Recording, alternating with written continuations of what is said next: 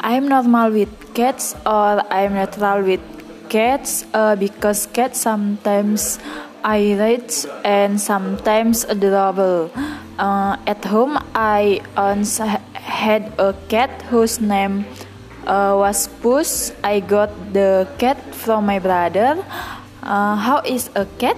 Uh, adorable cat uh, that has dainty uh, fur and looks uh, white brown, very cute.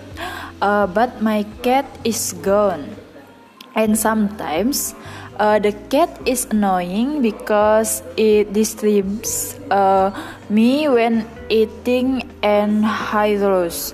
Uh, when um, my cat is gone since uh, I'm really home.